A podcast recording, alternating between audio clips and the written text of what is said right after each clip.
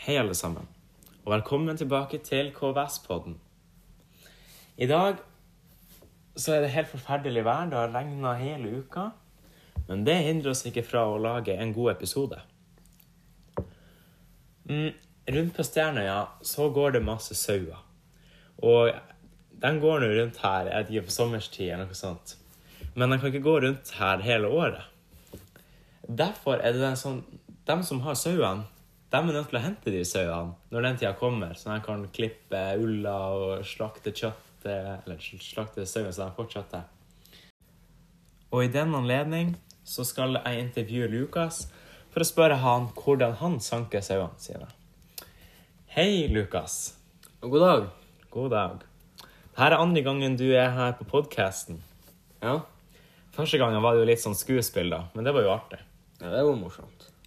I dag litt mer seriøst. Ja. Så um, du har altså sauer. Ja. Det er familiesauer. De har gått liksom eh, litt gjennom eh, av dem. Å ja, så alle er ikke blitt slakta og drept? Nei, altså det, det er jo noe man fortsetter og fortsetter. Altså, du må jo ha noen sauer igjen etter forfedrene sine, så. Akkurat, ja. OK. Um, men eh, hva, altså, hvor, hvor dere lar sauene deres gå? Nei, vi lar dem jo gå her ute på Stjernøya fra Skal vi si cirka fra eh, Pollvannet eh, inn i Ja, på Pollholmen. Fra Pollholmen og Helven ut til eh, Kjerringfjorden. Det er liksom det området de har å gå. Eh, ellers så går de jo ikke lenger enn det, og det er vi jo glad for. Så du har sagt til dem dere får ikke lov å gå lenger, og så har de ikke gått lenger? Nei, men det har jo litt med det at det er litt for bratte fjell til å kunne gå lenger, så. Ah, OK, det er bra. Men altså, hvert år så er du nødt til å hente deg sau. Sauene. Ja. Og eh, hvordan gjør du det, da? Nei, da er, bruker du være sånn bruker å invitere folk til å komme og hjelpe og sånne ting. Så da bruker vi å være opp den til ja, hva skal vi si 20 stykk. Eh, ja, fra 20 til 30 stykk. Og det er vi jo glad for at folk er faktisk eh, kommer og hjelper og sier ja til å komme og hjelpe. Frivillig. Vi tvinger dem ikke. Ja, så de får ikke betalt? Nei, altså de gjør jo det frivillig. Altså fordi de har lyst til å komme og hjelpe og være Ja. Får de noe sauekjøtt? Ja, eller det kommer jo an på. Bestiller du sauekjøtt, så kan du få for et par kroner. Og ja. Hvor lang tid bruker dere på å eh, hente de sauene ned fra fjellet? Nei, det bruker nå gå så ca. tre dager. Kommer an på hvor sta sauene er, da, og hvor de er.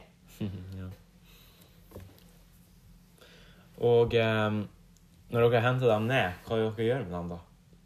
Nei, vi henter dem jo ned fra fjellet, og når de kommer ned til Vallaskoppet, så, så, så sanker vi dem inn, inn i sankegjerdet, og så er de der til vi har henta inn alle sauene. Og så blir det å komme en svær sankebåt. Jeg er usikker på hva eh, størrelsen på den, men den er ganske så stor. Og den kommer og henter den sauene og fører dem til slakteriet i Alta. Ok. Ja. Mm. Du sier du bruker tre dager på å sanke de sauene. Ja. Hvor langt har du gått da? Nei, ca. hver dag så kan jeg gå opp til en mil. Oi, dæven. Og eh, hvor mange skritt blir det cirka? Mm, Det er jeg helt usikker. Det kan bli opp fra 15 000 til 30 000 skritt. Oi. Ja. ja det var ikke noe tungt. Har du noe annet å fortelle om de sauene? Nei, det er nok så mye å fortelle, men uh, det er jo det at det er jo viktig å være mange nok folk. Hvis ikke så har du uh, Du bør ikke gjøre sånn som meg og gå alene. uh, siden at det er lurt å være minst tre stykk og gå, siden at da har du noen som går på oversida av sauene, noen på undersida, og så noen bak og dytter sauene fremover, sånn at de går. Så har du en som passer på at de ikke går opp, og noen som passer på at de ikke går ned. Så at vi holder dem på en sånn sti bort gjennom veien til sankegjerdet. Ja. Um, du bor jo på en måte på en gård, for du har jo ikke bare sauer. Hvilke andre dyr har dere der? Nei, vi bor jo på Pålholmen der. eh, Vi har nå litt Vi bruker å ha griser hvert år. Eh, og så har vi jo høns, og så har vi hest, og så har vi Ja, vi har jo hund, og så har vi katt, og så har vi jo Ja, jeg tror det er det vi har. Jeg kommer ikke på alt. Vi har jo hatt ku tidligere. Ah, ok. Ja. Hvor lenge siden? Det begynner å bli tre-fire år siden. Og så er det bare to eller tre år siden, siden vi hadde okse. Vi Oi. slapp jo dem også ut på den eh, sanke Vi gjorde sånn at de gikk lam i sauene, men vi fant dem aldri igjen etter det. Oksene? Ja. Oi. De bare plutselig forsvant, og mer av det vet vi ikke. Dere gjør ikke som han Abid Raja og drikker oksemelk? Nei. Ok. Bruker dere å selge noe sånne eh, varer dere produserer på gården? Kjøtt eller eh, egg eller Ja, vi bruker å selge litt eh, egg, og så bruker vi å selge grisekjøtt også. Og så har vi også eh, lammelår. Ja, det er vel det meste vi selger. Ja. Men dere er selvforsynt. Dere trenger ikke å kjøpe så altfor mye.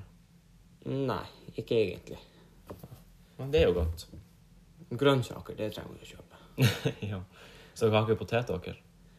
Jo, vi planta, men vi var litt se bakken var så hard når vi planta dem ennå, at det var jo så sen vinter, så Ja. Det grodde så sent, og så glemte vi litt av det, så da ble det ikke liksom plukka. Så det, jeg vet ikke om det er poteter der ennå.